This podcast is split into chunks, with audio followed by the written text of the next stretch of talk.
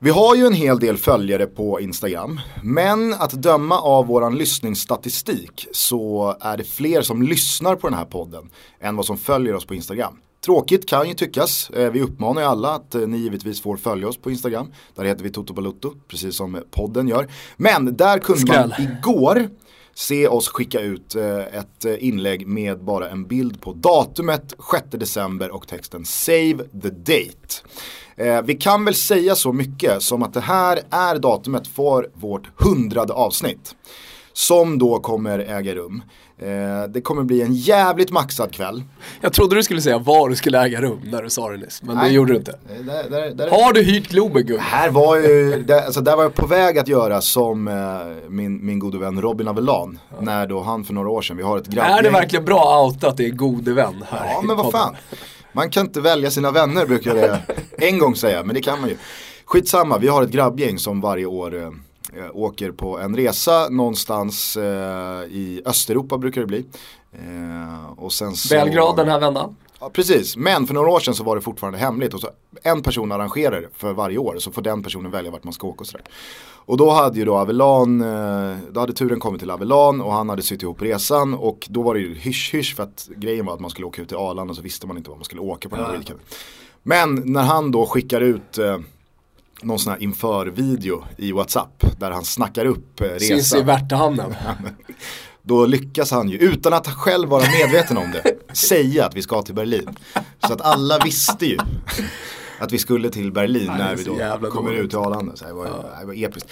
Eh, hur som helst, 6 december, eh, avsnitt 100. Vi kan inte säga så mycket mer än så just nu. Förutom att då save the date till alla som lyssnar på det här men inte följer oss på, ins- eh, på Instagram eller Twitter som inte har nåtts av den här informationen. Är man intresserad av att gå på vårt hundrade avsnitt som kommer bli någonting i hästväg så tycker jag att det är 6 december man ska ringa in i kalendern. Och för alla beslutsfattare där ute, då är det 10 oktober som gäller. Ja. Då är det första nätverksträffen med Ben Tutto.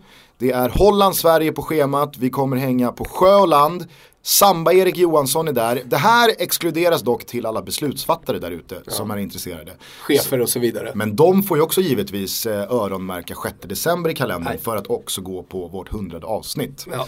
Eh, så att eh, krita in det i kalendern här nu, 6 december, då blir det avsnitt 100 och det blir ett jäkla baluns alltså. Nu blir det Toto Baluto.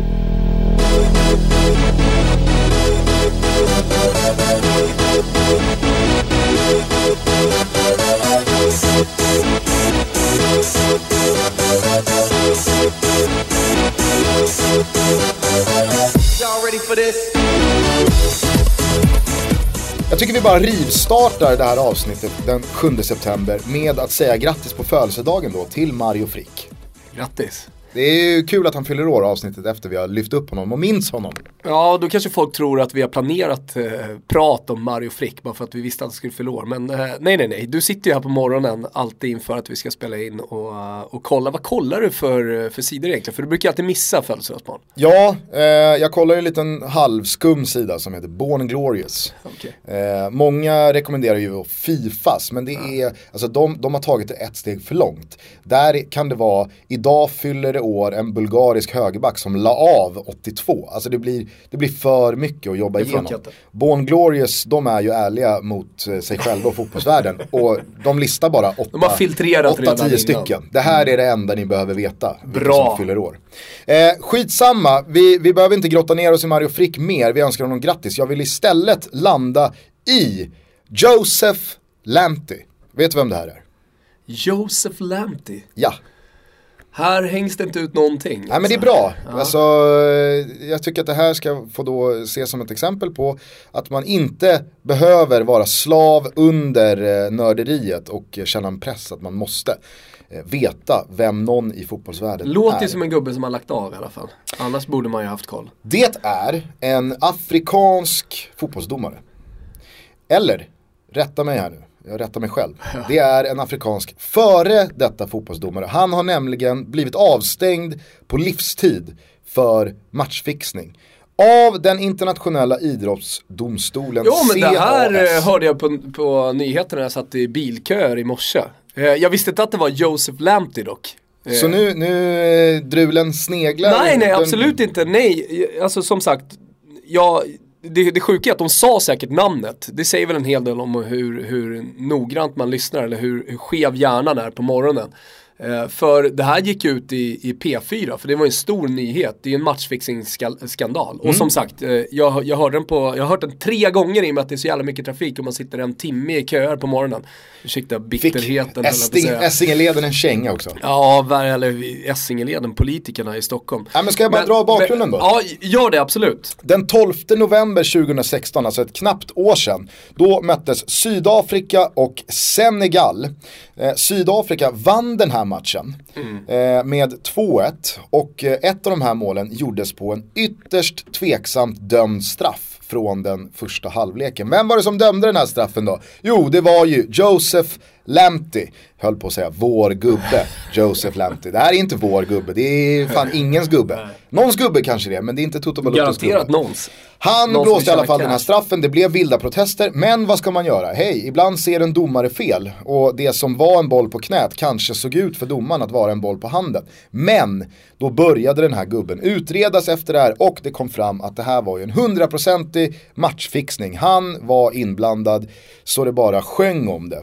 Eh, han hade sylt över hela jävla kroppen. Så, vad att göra? Jo, CAS, den internationella idrottsdomstolen, kliver då in eh, och drar ett slutgiltigt besked om att eh, eh Lamptey ska stängas av på livstid och matchen ska spelas om. Så att eh, det är inte något datum spikat än, men det pekar på att eh, den här matchen mellan då Senegal och Sydafrika ska spelas i början av november. Och Senegal ligger ju bara en pinne bakom Burkina, Burkina Faso, ja du ser. Bra Här är jag med. Och ett Bra. land till va? Ja. Landet som Henrik Larssons pappa kommer ifrån. Typ såhär, Kap Verde. Jajebuxingen. Är det det? Ja. Fan nu, nu är jag påräddad, nu är jag med. Nej men Senegal ligger alltså en poäng bakom då Burkina Faso och Kap Verde som just nu Efter att ha då blivit ifråntagna de här poängen. Nej, utan de torskade ju Ja! matchen. Eh, det Fan, var det här låter ju, Sydafrika som det låter ju som en omvänd korruption. Det låter ju som att det är Senegal som har påverkat för att få spela den här matchen igen. Ja, du fattar i alla fall att det här är ju en, This is Africa. ja, det är inte bara Afrika utan det är ju dessutom en game changer. No. Det här är väl första gången någonsin en match då spelas om. Alltså jag tänkte på AIK Göteborg direkt. Om, om man, men, men det var, spelades den om eller vad var det som hände? Den, den, Och då spelades om. den spelades aldrig. Den startade aldrig, menar du? Vilken? AIK Göteborg. Men vilken? Göteborg AIK. den Nej som- exakt, den, den blåstes ju aldrig igång. Nej exakt, det är det jag menar. Utan den Nej, men jag, jag undrade om den eh, på något sätt han, han starta eller, eh, eller sådär. Ja du tänker på med Stammatopoulos Ja, då. exakt. Ja, Nej men okej, nej precis. Den matchen hann ju blåsas av Ja. Innan den ens blåstes igång Exakt. och sköts upp och utreddes och eh, när den väl spelades så hade man ju då säkrat att nu är det ingen fuffens här. Men det här är en match och det finns ju, så- alltså, det finns ju garanterat matcher som har spelats, utretts, det har slagits fast att det där var matchfixning. Nej det finns ju många. Men matchen har ju sen inte spelats om. Nej alltså. Man kanske har strukit resultatet eller eh, ma- man kanske har Nej, då... men ta Calciopoli till exempel. Alltså där, där delades det ut minuspoäng i efterhand. Men Ja. en match har ju aldrig spelats om. Eller att alla då har fått räkna bort sitt resultat mot det här laget som utesluts Ja, eller vad det exakt. nu kan vara. Men den här gången ska alltså matchen mellan Senegal och Sydafrika spelas om. Initialt här nu då, vad tycker du om det? Ja men eh, framförallt så ändrar det ju på någonting. Eh, Jag menar alltså, om de beslutar att den här matchen, eller att en match faktiskt kan spelas om. Då kommer man ju aldrig gå säker. Alltså jag menar det, det sker ju matchfixing hela tiden. Och eh, även om man tror att man är på gång att få bukt med problemet så är det ju snarare tvärtom. Alltså matchfixen är ju numera Eh, en verklighet egentligen i alla ligor. Alltså, vi vet ju numera om också att det är bara toppen av ett isberg som man har, man har rört vid eh, i, i Sverige. Eh, det, det, det har skett i Tyskland, Spanien, Italien, eh, ja, överallt. Eh, det är till och med så att man kan gå tillbaka och hitta korruption då, och mer, mer eller mindre bekräfta att det har funnits i, i VM-matcher också.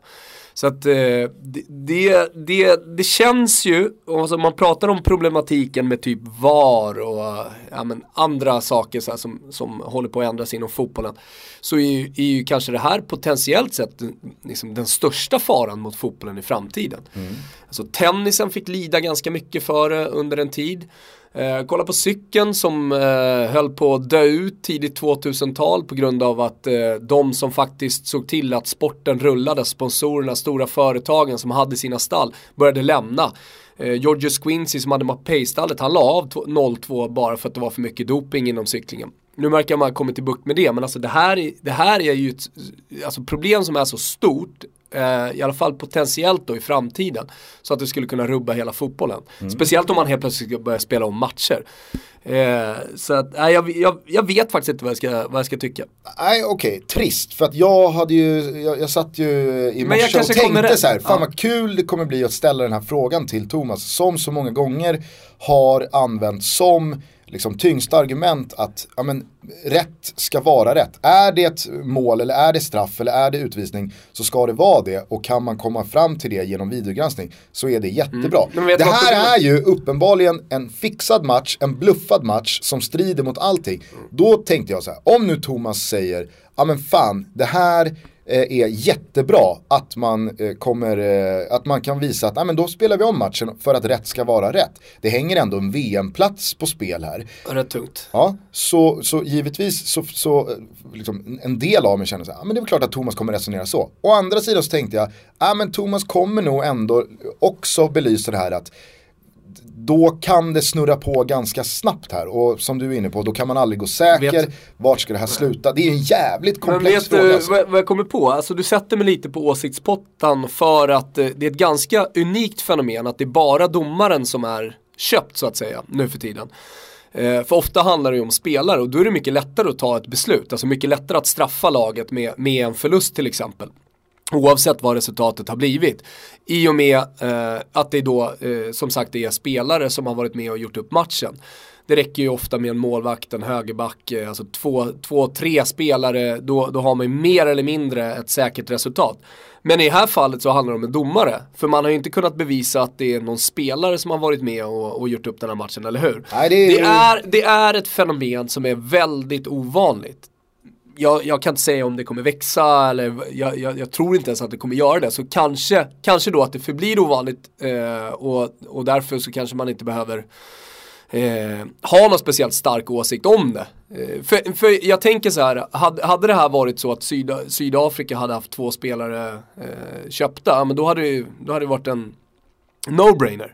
Då hade det bara varit tilldela Senegal segern. Ja men precis, alltså jag tänker ju att det, det självklart är superrimligt och jag applåderar att matchen spelas om för att de här lagen ska ha en ärlig och rättvis chans att nå VM. Och man ska inte bli robbade på, på tre poäng i, i det här fallet för Senegal. Mm. Å andra sidan så brukar ju du förespråka att man ska passa sig för att öppna Pandoras ask. Mm. Alltså att det kan snurra på ganska snabbt. För att precis som jag argumenterar emot VAR, för att om man börjar lyfta på de här situationerna Ja, alltså till slut, om det tar ett halvår eller om det tar två säsonger, det vet jag inte. Men jag vet att snart kommer vi sitta där och eh, stångas mot dem som vill att man ska ha videogranskning på varenda ja, offside. Absolut, du, du, har, du har dragit det argumentet. Och när det nu kommer till det här, ja, alltså så här, vart skulle det då sluta? Mm. Samtidigt som man känner sig jävligt smutsig om man då säger, ja men vadå, ska vi inte bara låta vissa matcher få vara uppgjorda då? Alltså det vill man ju inte heller landa i. Nej.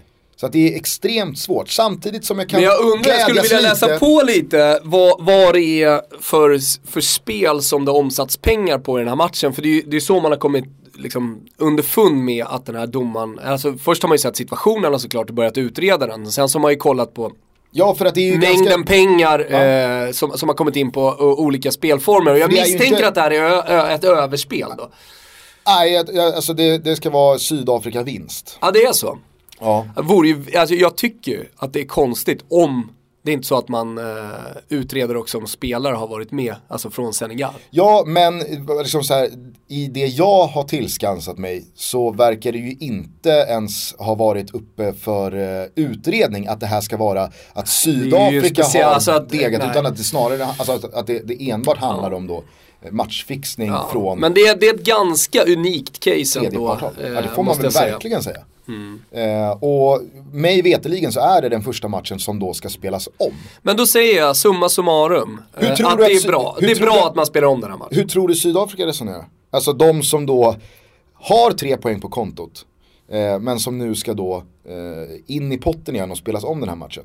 Tror du att alla där känner att, ja men herregud, det är klart att vi ska spela om matchen? Nej, självklart inte. Alltså då är man ju dum om man, om man känner så. Nu blev det, nu blev det så här. Nu låter vi, låt stå. ja, det är supersvårt. Ja. tycker jag. Ja. ja. men jag landar ändå i att jag tycker att det är bra att man spelar om matchen i och med att det dessutom är ett ganska unikt case. Och det jag sa tidigare, Uh, att uh, det, det, är en det, är en växande problematik. Alltså just den här typen av matchfixning är väldigt, väldigt ovanlig och jag tror inte det kommer växa speciellt mycket heller. Kanske i lägre serier men, men inte uppåt. Nej, men jag kan bara tänka mig vad som skulle hända eh, under en hel säsong ifall det här blir eh, kutym. Att, aha, här fanns det en misstanke och så kanske det slås fast att... Problem, alltså det stora problemet skulle ju bli om, om eh, du kommer på att Taljavento, han har varit köpt hela säsongen. Så alla matcher han har dömt har varit uppgjorda på ett eller annat sätt. Eller för, han har försökt att, att påverka resultatet. Då, då tror jag inte att man spelar om alla matcher. Det, det, har, det, har, det har ju hänt i alla fall att man har diskuterat att ogiltigförklara en hel säsong. Och, och helt enkelt inte dela ut någon, någon titel eh, på grund av eh, att det har varit alldeles för mycket uppgjort. Mm. Så att jag menar, det, det, det, är klart att man skulle kunna komma dit. Alltså, ponera att det, det skulle bli en sån grej i en eh, Serie A-säsong. Varför just Serie A? Det skulle kunna ske var som helst. Nej men för att du då drog upp Tagliavento ja. av att köpt hela säsongen. Ja. Säg att det då ska spelas...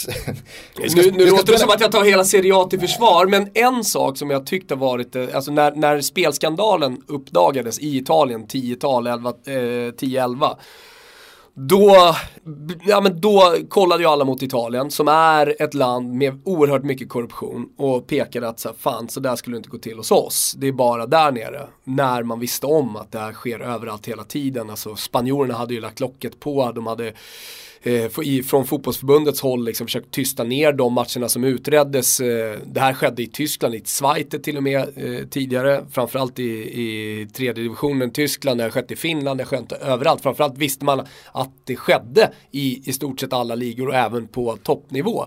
Eh, så just i det fallet, man kan peka mot Italien väldigt mycket. Och det, det, det, det är mycket skit och det är mycket korruption och så vidare. Men just i, i spelskandalfallet eh, så kunde man nysta upp det och göra det eller och, och hitta, alltså och bevisa så mycket på grund av att man har ett rättssystem, till exempel antimaffiasystemet som är otroligt utvecklat.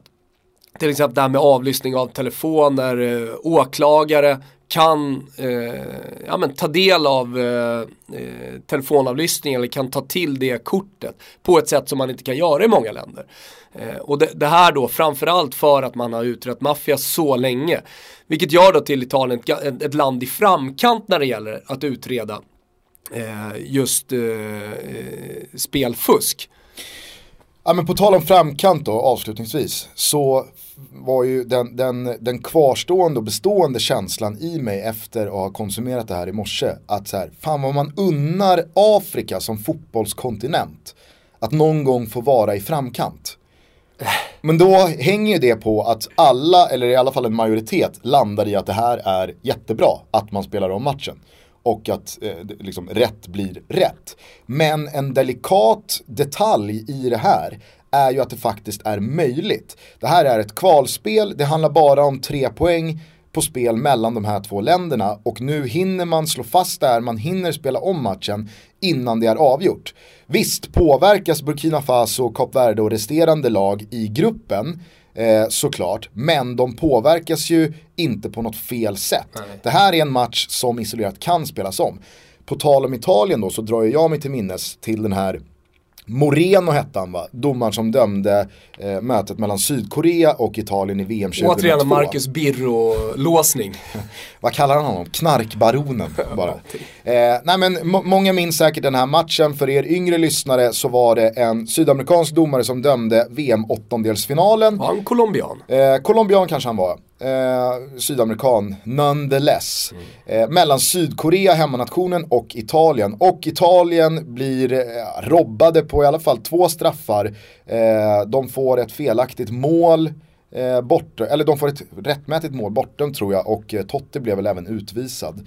Eh, det här var ju en eh, supersnackis då och sen så går den här domaren då vidare till, alltså han, han landar ju efter några år i fängelse för att ha smugglat heroin tror jag. Jag, tycker, jag, jag, jag tror Marcus Birro på, eh, på klassiskt Birro-manér brukar skarva till det till att han, han hittade ju 45 kilo kokain. 96% är ren kokain i hans väska. Så jävla mycket cola. Eh, nej men, alltså, och, och, det jag skulle komma till då bara eh, i det här, det är ju att även fast du skulle bevisligen ja, till 100%. Den matchen borde ju ha spelats om. Nej, nej, för att det går ju inte. Alltså, nej, det, nej, då får det, du göra om hela VM. Ja, precis, det är det jag menar. För att då ska eventuellt, ja, så här, ska du spela om den matchen, ja, men då kanske Italien vinner. Mm. Ja, då ska, ja, du vet, även fast det till 100% går att fastslå i efterhand att nej men Moreno var köpt, den här matchen var fixad, Sydkorea skulle vinna den här matchen.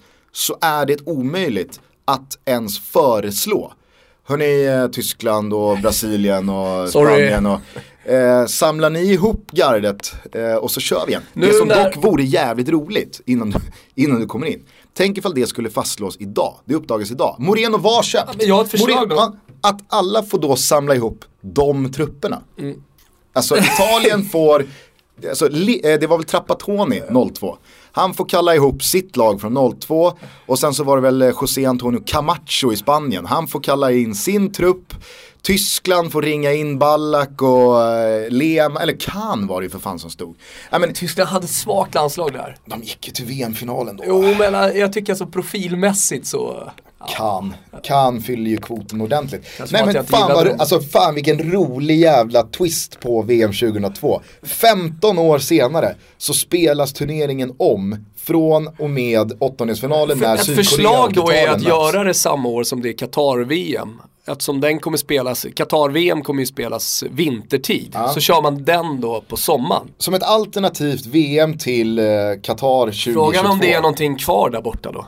Ja, men, alltså, då Med kärnvapenkrig och allt vad som sker. Ja men fan vad mäktigt det hade varit alltså. Nej, Moreno var köpt. Skicka in en motion till Brasiliens FIFA. buckla är inte Brasiliens buckla. det här måste spelas om från åttondelsfinalerna och framåt. Kalla ihop trupperna. Alltså det kommer ju vara många som har trillat av pinn, i alla fall på förbundskaptensposten. Hello Fifa, Tutski Balutski är here. We have a motion.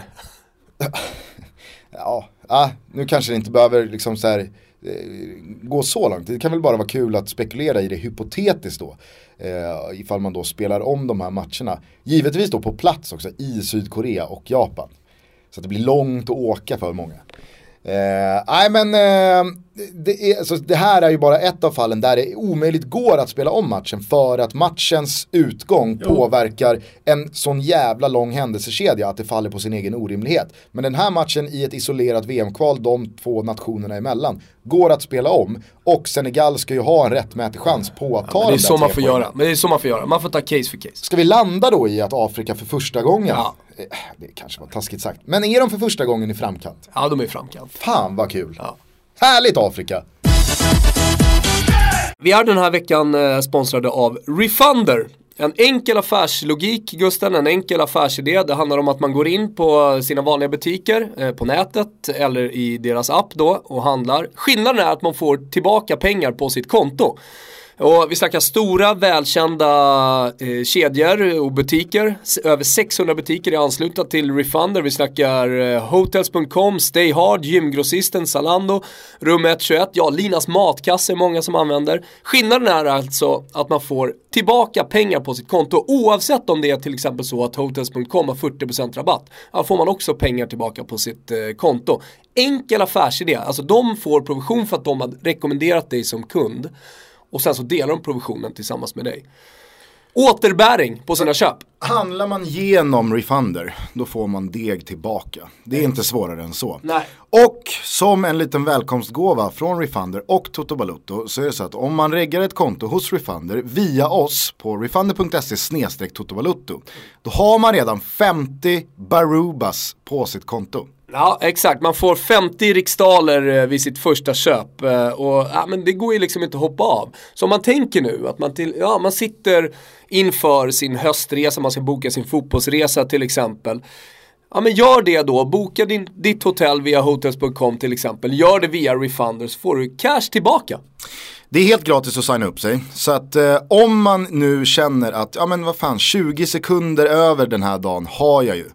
Då är det en stark rekommendation från oss att man signar upp sig via Refunder. Så får man det man vill ha över nätet till ett lite, lite billigare pris. Och du får pengarna tillbaks. Så att, eh, det, det känns ju dumt att inte hoppa på det här. Exakt, gå in på refunder.se slash och gör det nu! Det är ett ganska halvsvårt avsnitt att göra en sån här dag. Eh, vi brukar ju använda som argument gentemot alla som ställer sig skeptiska till att vi gör flera avsnitt i veckan och vi är en aktuell podd och sådär. För att vårt tyngsta incitament för det är ju att fotbollsvärlden snurrar på 24-7, 365 dagar om året. Men just de här två dagarna, efter en VM-kvalrunda innan ligan eh, drar igång igen, vad det nu än är i världen. Alltså det står ju still alltså. Det är inte mycket Det var ingen, som händer. rolig, det var ingen rolig kväll igår. Spanska kuppen. Torsdagstablån är inte mycket sexigare den heller alltså. Därför så tänker vi att vi ska ju bara göra en liten uppföljning på de ligaspecialerna som vi hade för några veckor sedan. Vi snackade upp Premier League då med Jesper Hoffman och vi pratade upp Serie A då med Martin Åslund. Nu har det ju gått några omgångar eh, och det har blivit eh, ett, ett litet mer land som ligger. Och dessutom så är transferfönstret stängt, man kan ta det i beaktning. Vissa lag har startat bättre än vad vi trodde, vissa lag har startat sämre än vad vi trodde.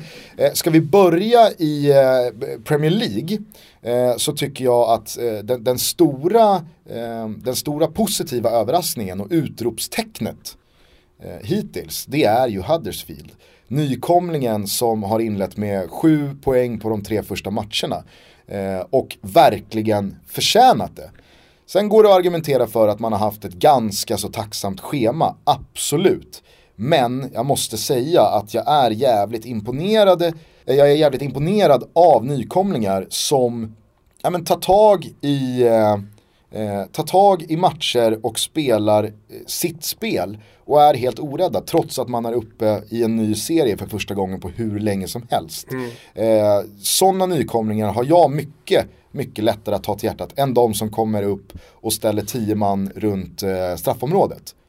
Jo men det är klart. Alltså det, det, och det är ofta, tycker jag i alla fall, om man går tillbaka lite i historien, ofta de som lyckas med det här fenomenet som man brukar prata om, jo jo men det funkar nu, de är nya, det är ingen som vet hur de spelar. Eh, jag menar, de flesta stora lagen när de möter typ Huddersfield, eller man möter en nykomling, eh, de förväntar sig att de ska ställa sig framför straffområdet, eh, ställa upp en mur och eh, ja, gå på försvar hela tiden. Huddersfield har ju chockat och det är det som är roligt och det, det, som, det som jag säger, alltså det brukar fungera bättre. Sen, alltså utmaningen för Huddersfield, det blir ju i omgång 15 när alla lag har lärt sig deras då eh, något eh, förvå- eller överraskande sätt att spela fotboll på. Eh, att kanske ta ett steg tillbaka och inse att eh, vi, vi kanske inte bara kan spela vårt eget spel, det kommer kanske inte hålla. Det finns kanske- en backlash. Ja, absolut, och man har inte uträttat någonting efter tre omgångar. Det är jag mycket väl medveten om också. Men jag tycker verkligen att är det något lag som ska uppas efter den här starten av Premier League och som vi inte pratade någonting om med Hoffman så är det verkligen Huddersfield. Någon spelare som du har tagit i hjärtat? Ja, eh, jag, jag tänkte att så här, jag, jag, jag misstänker att det inte är jättemånga av eh, Toto Balottos lyssnare som har eh, konsumerat de här tre matcherna som Huddersfield har spelat. Man kanske inte har någon superkoll på Huddersfield som klubb. Så att här kommer bara tre snabba punkter som är värda att ha med sig under den här säsongen. Arsenal, Liverpool och Manchester United är tillsammans med Huddersfield de enda lagen som har vunnit den engelska högsta divisionen tre gånger i rad. Det är ju ganska mäktigt alltså. Det är mäktigt. Att eh, Huddersfield är ett av de lagen som har gjort det. Det är ju jävligt länge sedan, det var början på 20-talet så det är nästan 100 år sedan mm. man tog tre raka ligatitlar. Vad har man, man där för andra klubbar i Europa som, som, som vann tidigt? Vi har Provercelli i Italien som ofta brukar nämnas då, har vunnit eh, många scodetti men det var 100 år sedan senast. Torino var väl eh, ett lag Jo men det, som, det, är ändå, det är ändå ett hyfsat stort lag som ändå har varit eh, ja, någon slags verklighet i, i högsta serien och, och här, utmanat om Europaplatser i modern tid. Ja du tänker lag som en gång i tiden eh, var stora men som har trillat lite av pinn ja. och idag håller till i gärdsgårdsserierna. Precis. Oh, jag vet inte, det, det är de, de, eh, största lagen i, eh, i Sverige som har vunnit eh, mycket. Där ska man väl tidigt nämna Örgryte. De har ju ganska många allsvenska inristningar i pokalerna men idag så är man ju jävligt långt ifrån toppen alltså. Även fast man är tillbaka i superettan och gör det ganska bra. Med ett kul lag! Johan Elmander och uh, Motumba och grabbarna. Brukade inte Jesper Husfeldt sitta i Eurotalk-studion och säga att han var nära att köpa Provercelli i något läge? Ja, jag, jag, tror det alltså. Ja, jag har alltså. fan aldrig hört alltså. Men det är, det är kul det. att det fortfarande händer saker kring Husfeldt. Ja. Ehm, absolut. Från då eh, Husfeldt tillbaks till Huds. Eh, för att eh, utöver att man har då eh, ett par ligatitlar på kontot från hundra år sedan så är man uppe i Premier League för första gången. Sen Premier League då blev Premier League. Och man har förts upp av en tränare som jag tycker är intressant att nämna. Det är tysk-amerikanen David Wagner. Jag väljer att säga det med tyskt uttal. Eh, och inte David Wagner. Eh, trots att han då är amerikan och eh, spelade landskamper för USA. Det finns ju ovanligt många halvamerikaner och halvtyskar. Ja, absolut. Jag kommer ihåg när vi gjorde VM-guiden inför 14. Att, ja, men så här, om man kollar på bruttotruppen, en slags 40-50 bruttotrupp som man, som man jobbar med alltid när det är eh, guidearbete inför ett VM så var det många spelare som studsade upp och var halvamerikaner, halvtyskar. Alltså, som antingen då var aktuella för spelare i den tyska truppen eller som fanns med i den amerikanska truppen. Wagner var hur som helst eh, professionell spelare i Tyskland under många år, framförallt på 90-talet. Han är också född i landet, eh, därför så är han ju i alla fall i mitt tycke lika mycket tysk då, som, kanske mer tysk än amerikan. Men som sagt, landskamper för USA. Eh, och eh, på hans tränargärning så finns det inte speciellt mycket i huvudansvar utan det är Huddersfield. Eh, han var assisterande till Jürgen Klopp under fyra år i Borussia Dortmund och när då Klopp valde att lämna Dortmund så var det väldigt nära att han följde med till eh, Liverpool och till Melwood och checkade in som assisterande under Klopp även i Liverpool. Men där högg Huddersfield och erbjöd, erbjöd honom eh, huvuduppdraget där. Så han tog Huddersfield och gick eh, i våras upp då i Premier League genom playoff. Och den här tränaren är ju, eh, vad är det man brukar säga, it-tränaren för stunden. De senaste säsongerna så har ju it-tränaren i Premier League varit Eddie Howe, Bournemouth. Sen så kom Marco Silva in i eh, vintras eh, och det blev ju lite vår gubbe då. Efter att ha fört en ganska anonym tillvaro i Portugal och Grekland så kom ju han in och eh, höll på att eh, rädda Hall kvar. Nu blev det inte så, men Marco Silva blev kvar i Premier League, tog Watford eh, efter Matsarri. Men Nya it-tränaren alltså, David Wagner i eh, Huddersfield, håll koll på honom. Där ute på plan, ja men där tycker jag att den spelaren som har imponerat mest på mig, det är australiensaren Aaron Moy. Eh, han är bara, inom citationstecken, 27. Kanske inte det är speciellt eh, ung ålder för att vara en fotbollsspelare, men titta på honom, han ser ut som 37. Jag tycker man är talang upp till 27. Ja, absolut. Eh, men det här är en spelare som har imponerat jävligt mycket på mig. Jag har sett honom väldigt, väldigt lite under tidigare år. Men det här är en spelare som Manchester City plockade in. Eh, han har huserat i de lägre divisionerna i eh, Skottland och England ett tag. City tog in honom men lånade ut honom till Huddersfield så gjorde han det tillräckligt bra där, var inte tillräckligt bra för City så att City släppte honom nu till Huddersfield på en permanent deal. Men det säger ju en del om att eh, City har koll eh, och att eh, man inte ska klappa sig själv speciellt mycket på axeln för att man nu upptäcker en spelare som spelar i Huddersfield. Men Aaron Moy, centralfältare som eh, jag tycker alltså, verkligen är värd att eh, kika en match på bara för att se. Mm. Annars, kort bara, Premier League. Otroligt imponerad av Paul Pogba i Manchester United. Som alla imponerade av eh, den starten som Manchester United har fått. Det får man inte glömma bort. Eh, att, alltså, så det, det, det, är alltid kul att lyfta de här lite mindre lagen som har gått bra i inledningen. Men eh, om det är något lag jag verkligen tror kommer, kommer gå som tåget den här säsongen och, och förlora väldigt få poäng så är det Manchester United. Och Okej, okay, nu har man imponerat så mycket som man till och med krossat sig till, man har inte släppt in ett enda mål. Men jag tror att man kommer kanske gå ner från den här superformen som man har i inledningen. Eh, och, och, vinna matcher på tungt vis, lite som Chelsea gjorde förra säsongen. Alltså 1-0 eh, segrar borta. Stoke till exempel, nu är du över i den. Eh, men men eh, när det också blir Champions League, alltså när man, när man börjar tuffa på med matcher var tredje, var fjärde dag. Mm. Eh, I eh, nästa veckas eh, första avsnitt så kommer vi presentera lite långtidsspel vad gäller Champions League-hösten och Champions League-säsongen. Som vi har fått boostade av eh, våra polare på Betsson. Och där har ju du faktiskt Manchester United att gå längst av eh, alla Premier League-lag i just Champions League. Mm, exakt. I andra änden av tabellen, Manchester United toppar den ju med 10 mål gjorda, 0 insläppta. Så går det att vända på alla siffror siffror så hittar vi Crystal Palace. Det är ju säsongsinledningens absolut i särklass största flopp. Eh, många av er kan turerna. Eh, Big Sam Allardyce kom in i vintras efter Alan Pardew, räddade kvar klubben genom en ganska primitiv fotboll. Crystal Palace tänkte om, äh, vi, vi måste göra någonting, vad känns fräscht? Vi tar Frank de Boer. Frank de Boer har ju gjort det jävligt bra i Ajax i, i, i många säsonger, men floppade ju rätt ut i Inter. Eh, men, vad fan, en... Alltså Frank de, Frank, Frank, Frank de Boer har ju än så länge inte visat sig vara någon slags demontränare. Jävlar vilken tung start han har fått på sin tränarkarriär. Ja absolut, sen så gjorde han det ju absolut bra i Ajax. Men inte... I Ajax. Ju... I Holland. Hej, jag säger bara att man kan ju inte göra det så mycket bättre. Nej men han hade så otroligt goda vitsord. Ja. Och folk pratade om att han hade sån ja, men, fin tanke om man skulle spela fotboll och att han var nästa big thing inom tränarvärlden. Uppenbarligen så har han en, en bit kvar dit. Ja, intersessionen borde kanske i alla fall ha varit lite varningsklockor då mm. för Crystal Palace. Men han landade där i somras och nu, alltså bara tre omgångar in på den här serien.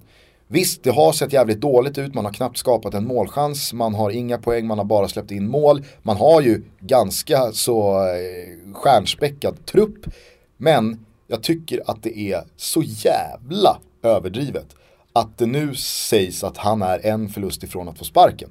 Men då är det så här, varför värvar man Frank de Boer? Varför tar man in en tränare som inte ska få spela sitt spel. Han försöker ju vara Frank de Boer, han försöker göra det han tror på. Sen är jag fullt medveten och jag respekterar folk som tycker så här, ja men Frank de Boers eh, fotboll och hans tränarvärv mm. är inte bra nog. Nej okej, så får det vara, men ta inte in honom då. Alltså England har ju blivit lite som Italien var för några år sedan. Börja sparka tränare till höger och vänster, alltså det finns inget tålamod kvar i de engelska klubbarna. Och jag förstår, alltså, i och med att det är så mycket pengar och, och det, man, man, riskerar så mycket om, om man får en dålig start att det är lika bra att vända på det direkt. Men, men då måste man ju gå till och kolla på hur läget i omklädningsrummet egentligen. Alltså ko kommer det här att funka? Och där är ju den sportsliga ledningen det yttersta ansvaret. Ja, och jag tycker att det är alltså, det, det, det största underbetyget i den här svängen det landar ju inte på Frank de Boer.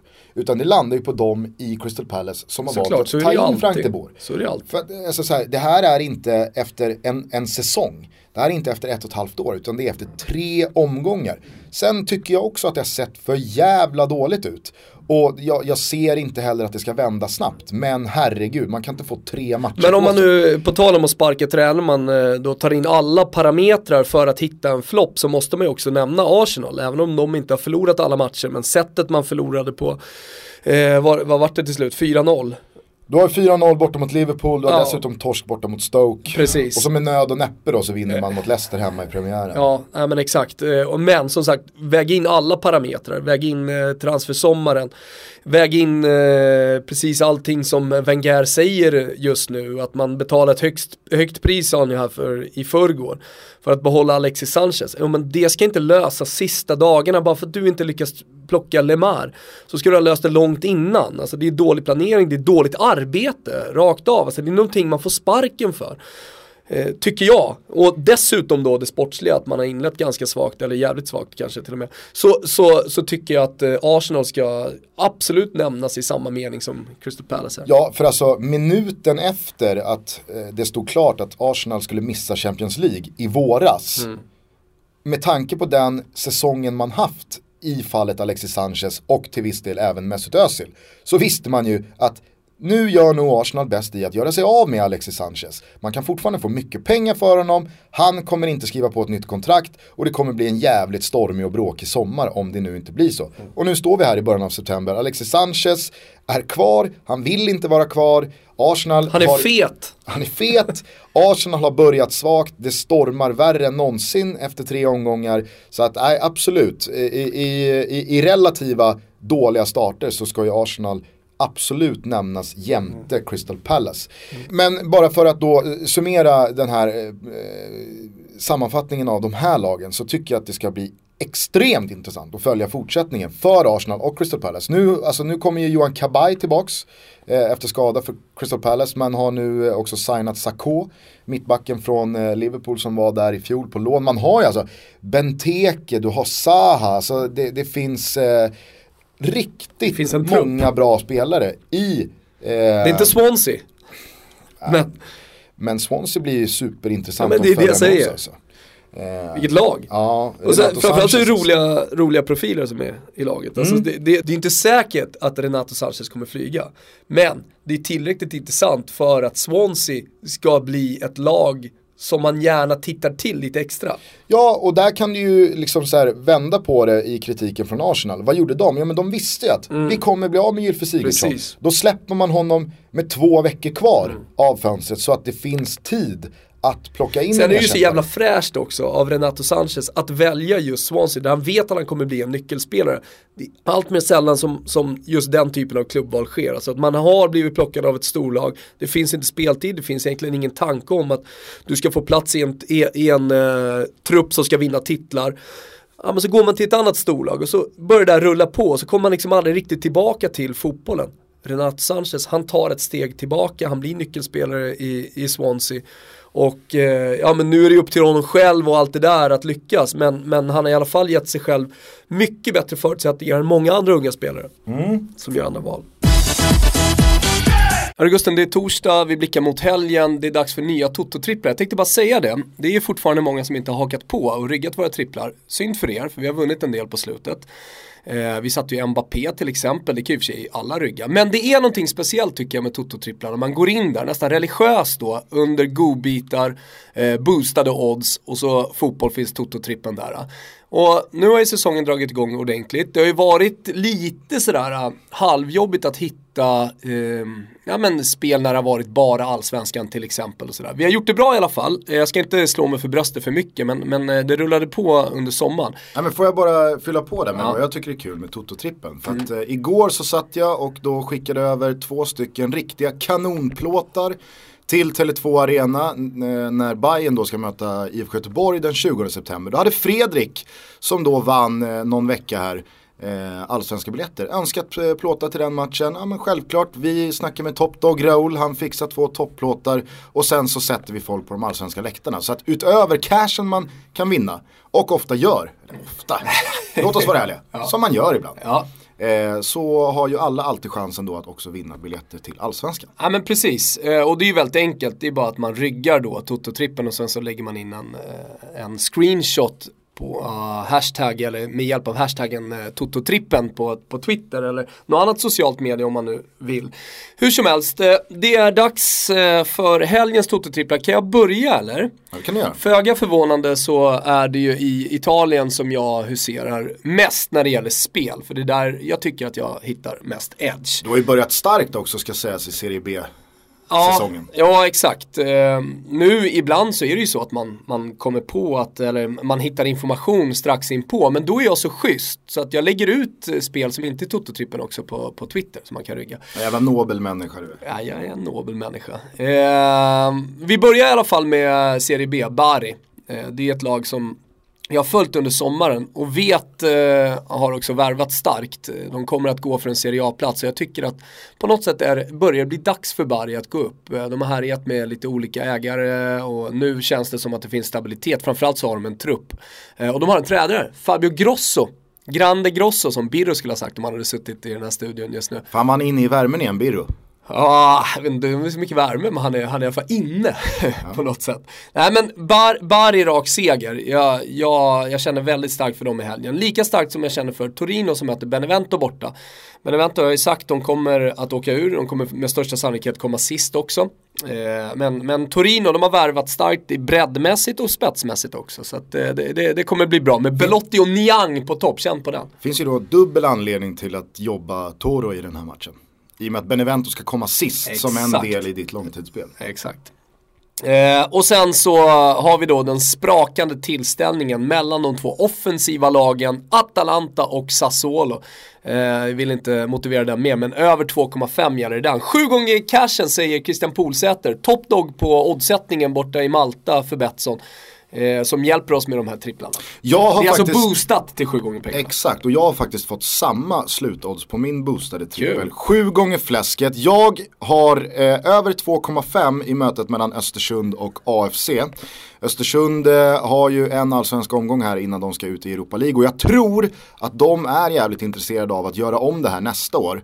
Att eh, det, det kommer behövas för att kunna locka till sig spelare. Och då det är läge för dem att studsa upp lite. Ja, då är det bråttom för att Europaplatserna börjar ta slut och de börjar försvinna så att Östersund har nog inte råd att tappa poäng Samtidigt som AFC slåss ju med näbbar och klor för eh, fortsatt existens. Så mm. jag tror att det kommer bli körning här från båda håll. Jag tror att det också kommer bli målrikt i mötet mellan Stoke och Manchester United på lördagskvällen. Manchester United har ju imponerat oerhört i offensiv riktning men också defensivt. Däremot så tror jag att Stoke blir det första laget som spräcker de Geas nolla den här säsongen. Man brukar vara väldigt starka hemma mot de stora lagen på Britannia när man får igång publiken. Och nyförvärvet Jezé är ju en riktig toppsigning. Ja, Vem det... hade trott att han skulle sluta i Stoke? det jag gillar med den spaningen, det är det du säger, att man ofta då mot topplagen, för man kan tänka Stoke hemma, vadå Stoke hemma? Man har inte sett dem så många hemmamatcher, att det kanske, det, det låter ju för mig, som inte har sett så mycket Stoke hemma, som en ganska här, ja, men, eh, ensidig tillställning, mycket boll på Manchester United. Men som du säger, allting kommer ju handla här om att Stoke faktiskt öppnar upp och vågar. Ja, och de har ingenting att förlora en sån här match. Så att, eh, skulle de hamna i, hamna i underläge här så, så hindrar ju inte det från eh, att de ska gå framåt. Så att, eh, jag tror att det blir körning. Över 2,5 i Östersund och över 2,5 i Stoke. Läge för och släppa in en balja tänker jag också. efter några nollor nu. Och sen avslutar vi då med att Gävle tar ännu en seger. Man ligger ju pyrt till i superettan, han har gjort det hela året. Men Poya Asbaghi, han har faktiskt fått ordning på det här laget sent om sidor mm. och jag tror att en ny trea kommer eh, i helgen och jag tror att den kommer hjälpa Gävle till att man faktiskt löser ett nytt kontrakt i superettan och inte tar hissen ner i norrettan. Så att eh, där har ni tripparna. Där har du ju helvetet, norrettan. Ja, det är, det är undergången. Jag kommer ihåg när jag var, äh, återigen, vi har pratat om det här, men, men ur ett annat perspektiv då, när jag var uppe i Luleå och såg kvalmatchen mot Karlberg så pratade jag med eh, sportchefen i Karlberg, Lennart Sandahl, innan matchen och jag frågade bara rent ut, eh, har ni råd att gå upp överhuvudtaget i, i norrettan? Och han sa det, nej nej nej. Alltså det, här finns inga cash för att spela någon norrätta. Frågade Luleå och då sa de, här, men vi har väl egentligen, egentligen inte råd att spela den här serien men, men du vet, vi klarar oss. Det är långa matcher, eh, höll jag på att säga, det är långa resor till matcherna. Det är långa resor, det är stora krav på arrangemangen samtidigt som att det finns noll sponsorpengar att dega spelare. Och du kan ju tänka dig vilket underläge du sitter i som klubb i förhandlingsbordet när du ska signa en tvåbarnsfarsa som måste jobba 100% och säga, ja sen blir det ju buss då till Umeå såklart. Och buss till, alltså du vet det är, det är hopplöst. Alltså topplön i eh, norrättan, det är ju liksom 10 lax vitt och en femma svart. Ni hör ju själva, Gävle behöver vinna för att stanna i superettan. Det här är en, eh, ett ben i min trippel. De här finns på Betsson.com under godbitar och boostade odds. Rygga, vinn cash och var med och tävla om allsvenska matchbiljetter. Ja, framförallt ni då som fortfarande inte har reggat ett konto på Betsson. Gör det, och gör det nu. Utöver det vi pratade om i Martin för där fokuserade vi ju på eh, de, de stora lagen och sen så tog lite nedslag i de, eh, i de mindre lagen. Provinslagen, vi har faktiskt fått en fråga kring just provinslag. Vad är det som gör ett lag till ett provinslag? Mm. Ja, exakt, eh, det, det är ju eh, de här lagen som ligger precis bakom de största, eh, som är kanske huvud, huvudstad i provinsen så att säga, som fortfarande är ja, en ganska stort lag, men, men som trots allt startar säsongen i favoritskap bakom de, de, de, stora randiga lagen så att säga. För jag tror att killen som hörde av sig med den här frågan, han eh, tror jag uttryckte det som att han, han, han trodde att han hade förstått vad ett provinslag mm. var. Men sen så hörde han, jag vet inte om det var du eller Martin som sa att Torino var ett provinslag. Och då fick han inte ihop det i och med att eh, Torino kommer från Turin som är en storstad. Ja, de klassiska provinslagen i Italien eh, är ju Florens, Fiorentina, det är Bologna som är en stor viktig stad i Italien men som har ett fotbollslag som inte riktigt når upp till Milan, inte Romas eh, höjder. Roma är huvudstadslag så alltså de, de på något sätt diskvalificerar sig själva för att vara där. Napoli är lite för stor ver eh, verklighet också. Eh, utan det, det, är ett lite mindre lag som, som startar lite bakom de största. Så Torino är ett provinslag? Absolut, på alla sätt. Hur... Udinese, där har du till eh, provinslag. Hur har nu Serie A startat då? Eh, Serie A har startat eh, ganska väntat eh, med de stora lagen som har vunnit. Eh, men eh, om man då, jag, jag varit lite taggad när du sa att Huddersfield var roligt att hitta en liknande lag i Italien. Eh, och om man tar då, kanske inte i Provicelli-mått, men ett lag som har varit i Serie A och på 80-talet ändå var en verklighet där eh, så är det Ferrara-laget, många vet ju inte riktigt var de kommer ifrån, men Ferrara-laget Spal eh, som har tagit sig från tredje divisionen hela vägen upp till, eh, till Serie A. Som har inlett den här säsongen med två vinster, höll jag på att säga, en vinst och en oavgjord. Tror du att eh, folk eh, känner nu, ah, ah, de kommer alltså från Ferrara, då vet jag vart de kommer ifrån? No, vet det... folk vart Ferrara ligger? Kanske man inte gör. Jag vet inte, jag är lite skadad här. Alla vet ju att Italien ser ut som en stövel. Vart på stöveln är Ferrara? Uh, mitten nord, alltså det ligger i den vaden. regionen som, nej, för fan, inte vaden. Snarare baksida lår, höll jag på att säga. Hamstring. Vad är det för jävla stövel? ja men det går upp där. Ja. Uh, Nej, det blir ju fan vaden, då har du rätt i alltså. Skenbenet. Eh, hur som helst eh, så är, är ett lag som många inte har koll på innan. Eh, det jag tycker är intressant är att man har sålt extremt mycket säsongsbiljetter på den lilla arena man har. Alltså man har, man har eh, fyllt eh, en stor del av kapaciteten hemma. Eh, det, det, det har blivit liksom fotbollsfeber i staden. Jag gillar de fenomenen. Det, det, är inte alltid en självklarhet trots att det är ett litet lag från en liten ort eh, som kommer upp i Serie A. Eh, eller vilken liga det än må vara, vilket land det än är, att, att hela staden sluter upp. Men här är det verkligen så. Här fyller man sin arena. Eh, och jag får på tal om och, och frågor då till Toto Balotto så får jag ofta frågor så här, om, om man nu ska hitta ett lite mindre lag som man vill åka och kolla på, vart ska man åka då? Ja men fan testa och köra en avstickare till Spal. Eller till Ferrara. För att eh, jag var till exempel det, på tal om det här så kanske vi ska bara berätta för alla er, till alla er som inte skickar frågor till Thomas. Så är det ju, det är ju kul, eh, det är kul att se hur många som hör av sig till då totobalutta.gmail.com med frågor om just Italienresor och hur trött du är på vissa människor. Alltså när det dyker upp, alltså, har, du har, har, du tips på, alltså, det, det var ju någon som frågade ifall du har en bra kontakt i någon biluthyrningsfirma. Kan, kan du förmedla en bra kontakt i en biluthyrning?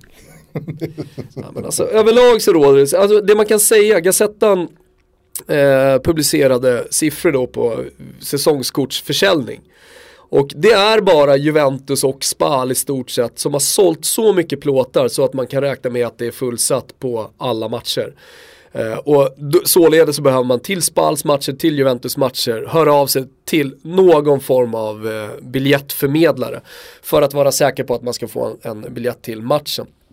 Eh, I övrigt så är det bara åka ner. Jag fick en fråga på Twitter här precis nyligen, jag får ju hela tiden så jag ska till Florens i april hur köper jag biljetter? Jag förstår oron att eh, alltså komma till staden, eh, vara taggad på match och så riskerar man att bli utan. Men var inte oroliga om ni ska åka till Italien. Överlag så är det bara att åka. Och vill ni någonting vad det gäller Juventus, hör, över, hör, hör av er till Cocoreddo på Twitter, han kan allt. Mm.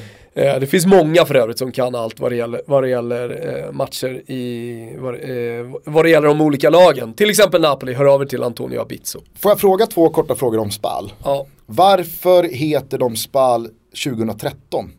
Så vad har årtalet 2013 Ja, men, eh, eh, årtalet 2013 har att göra med att man, eh, precis som alla de här lite mindre italienska klubbarna, råkat ut för konkurser under det som har varit ett långt stålbad för hela den italienska fotbollen rent ekonomiskt under 2000-talet egentligen. Eh, så är det ju klubbar som eh, ja, men, i stort sett går i konkurs var och varannat år. Eh, Och Spal har ju varit en av de klubbarna. Så det är en, det är en ombildning. Då. Och sen så är det nog många som eh, kanske brottas med att eh, känna igen spelare i det där laget. Men en spelare många känner till är ju Marco Borriello. Ja, Han gjorde väl mål i senaste omgången. Och om Mm. han vill jag, till VM. om jag inte är snett på det här så tror jag att det var det tolfte laget han gjorde mål för i Serie A. Mm, det måste väl vara rekord. Ja, alltså något slags rekord borde det vara. Eh, vi satt i Expressen live, jag kan vi bara tillsammans... stanna upp och bara, återigen då, hur sjukt är det att han har gjort mål för 12 lag? Ja, det, det, det är sjukt. Och han, han är ju en av de spelarna som har varit i flest klubbar i sin karriär. Ja, vi, vi ställde frågan när vi satt i Expressen Live på Deadline Day tillsammans med Noah Bachner bland annat. Eh, Therese Strömbergs, så här, hur, vi, vilken spelare varit i flest klubbar? Och då var det någon som bollade upp någon, någon eh, engelsman som hade varit i typ 30 klubbar. Men om man tar då stora spelare som har snurrat runt så är ju Borriello helt klart topp 5. Jag träffade ju Mauricio Albornoz, eh, AFCs Mm. eh, mittfältare, mittback i våras. Eh, och vi stod ju och fascinerades över att han i år alltså gör eh, allsvenskt spel för sin femte klubb. Och att det är liksom jättemycket. Och jag tror att han bara har en spelare framför sig. Per Eriksson. Eh, många känner ju till eh, gamla klassiska anfallaren som har spelat i Mjällby och Gais och ja, överallt har han varit. Eh, och han har spelat i sex klubbar. Mm. Borrell har spelat i tolv. det är nej. helt sjukt. Ja men det, det, det är ju betydligt vanligare att man når 10 då ute i Europa än eh, alltså, så jämför med allsvenska spelare. Det känns också som att inget lags supportrar hatar Men- honom. Precis som att det kanske är lika stort att göra 14 mål i en bottenklubb. Eh, som att göra 25 mål i en toppklubb i en, i en stor europeisk liga så kanske det är att jämföra med eh, det dubbla då. I, alltså för en allsvensk spelare jämfört med en europeisk spelare. Eh, men de har en massa sköna lirare i spall som ni, som ni kanske kan förälska er i om ni, om ni känner för att göra till era gubbar. Till exempel Alfred Gomis, målvakten, som har inlett helt strålande. Sauli Väisänen, många undrade, ja, men kommer han få speltid? Hur, hur kommer det egentligen gå för Sauli Väisänen? Ja, men han har spelat båda matcherna, 180 minuter och sett jättestabil ut, fått bra betyg i Gazettan. Jag är skeptisk till hur många som undrar det. Men eh, Ja, men det, det finns några som undrar ändå så här, vad fan, vad, vad några, händer? några ger. Nå- Några, några som gör det. Och sen så min gubbe då i det här laget, Federico Viviani som hotade mig till livet eh, den där sena sommarkvällen i eh, Olomouc i Tjeckien. Och till alla då som eh, undrar vart ska man åka om man nu gör sin resa till Milan eller Turin eller vad det nu är så ligger Ferrara så bra geografiskt till att man kan göra en avstickare om de till exempel spelar en lördagsmatch och man ska gå på en söndagsmatch eller tvärtom. Eh, och det är absolut värt att gå dit. Och vet du vad USPen som Ferrara har? Nej. Alltså som är, som är lite så här, äh, jag menar i, i Emilia så finns ju Parma med Parmaskinka, Modena med, eh, ja inte bara Ferrari-museet i närheten då, äh, för all del även eh, Aceto Balsamico, så balsamvinägen och så har du Bologna, fetstaden med tortellini och allt vad det är. Alltså man, det, det är ganska stor konkurrens, för de har tydliga uspar de här andra städerna i Emilia. Men Ferrara har världens äldsta osteria som man kan gå och käka på, där har jag varit. Ni hör. Sen så kan man ju alltid gå, om, Åk. om man skulle träffa på poliser där så kan ni hälsa från mig för det har varit min kund en gång i tiden. Du, eh, liksom varning för dum fråga här. Men är parmaskinka en grej i Italien? Eh, San Daniele-skinkan absolut, eh, du har Colatello. Ja men det finns ingenting som är liksom parmaskinka i Nej, alltså det man säger är prosciutto crudo di Parma. Alltså prosciutto crudo det är det vi i Sverige då lite slarvigt kallar för parmaskinka. Prosciutto cotto är kokt skinka, prosciutto crudo är eh, den här eh, andra lufttorkade varianten. Det känns ju eh, spontant som att eh, du avskyr människor som Alltså, eh, säger inte- fel på parmaskinka Alltså, du- och du- serrano. Ja, nej, kanske, men du kan inte gå in i en skärk och bara säga prosciutto di Parma, eller du kan säga prosciutto di Parma men du kommer få följdfrågan, vill du ha cotto eller crudo? Okej. Och sen så om det då blir, eh, om det då blir då till slut att vi ska ha Parma, då kommer folk vilja, vi har San Daniel kommer de säga då. Och det är ju den, den som kanske går upp emot eh, Pata Negran lite grann, även om det är två liksom, olika typer av skinka. Men det, den, den, är lite dyrare av, av prosciutto crudo-varianterna.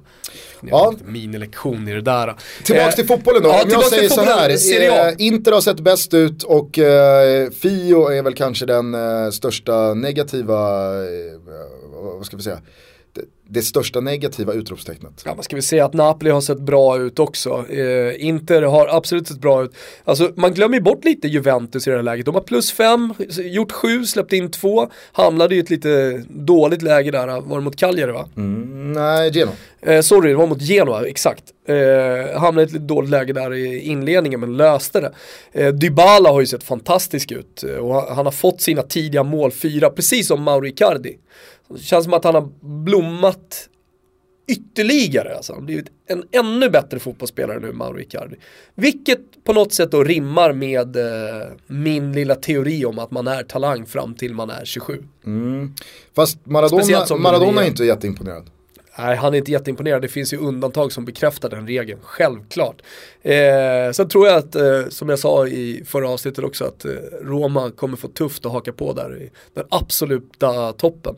Eh, och jag tror också, efter att ha sett Milan i inledningen, så, så eh, ja, men jag, jag står fast vid min topptrio Juventus, Inter, Napoli.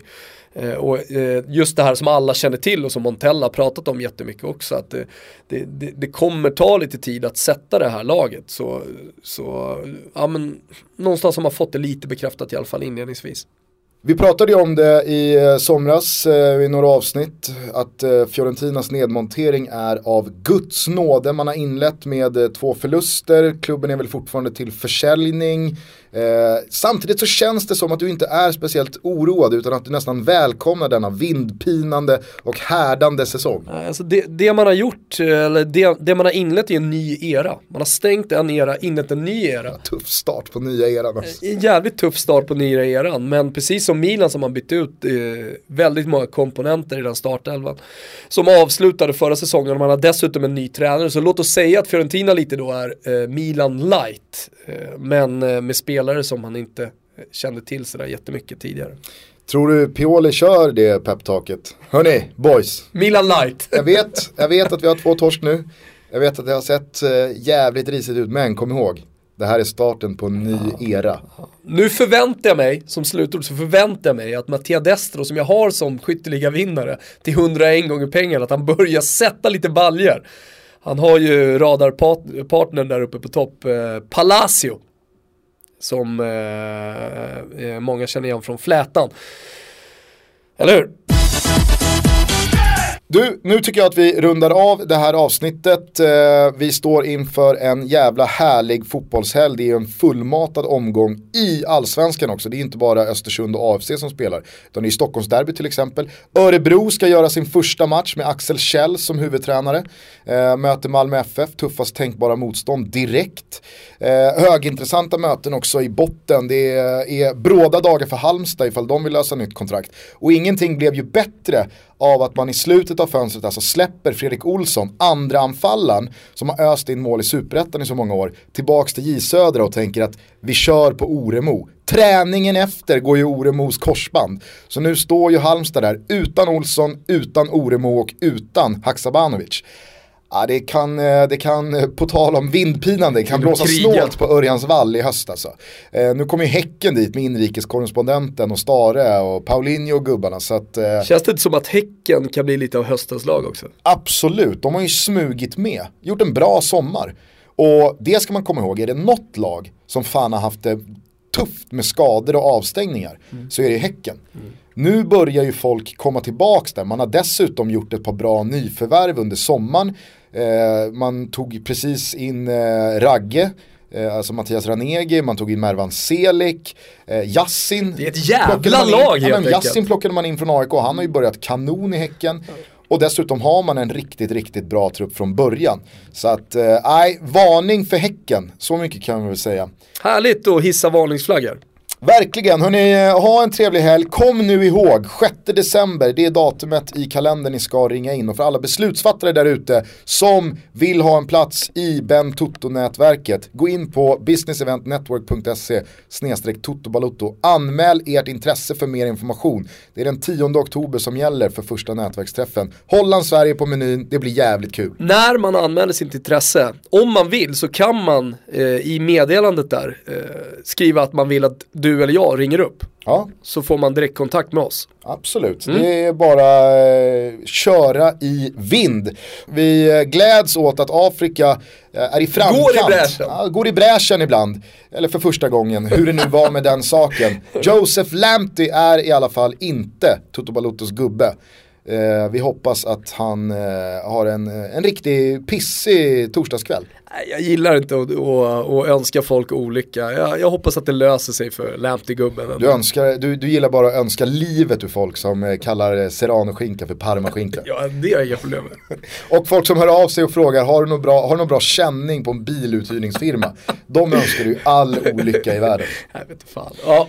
Trevlig helg och eh, puss eh, till alla er som lyssnar på Toto Balutto, Sveriges i särklass största sportpodd. Ja, från hela vårt hjärta. Vi är så tack tacksamma för att ni lyssnar och ödmjuka i, i det vi håller på med. Eh, och vi hoppas att träffa så många som möjligt den 6 december. Nu eh, kör vi igång den här torsdagen. Ciao tutti. Ciao tutti. I hear the drums echoing tonight And she hears only whispers of some quiet conversation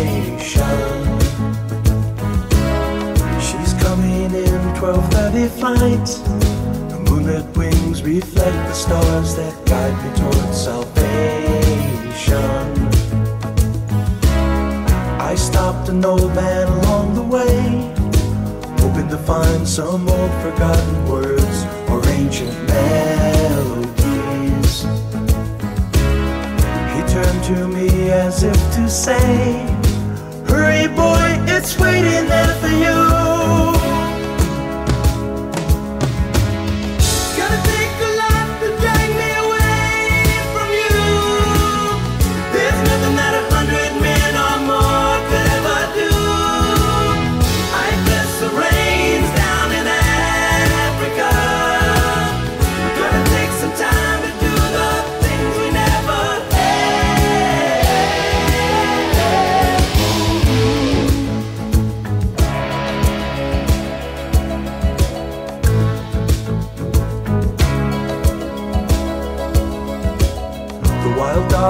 Cry out in the night as they grow restless, longing for some solitary company.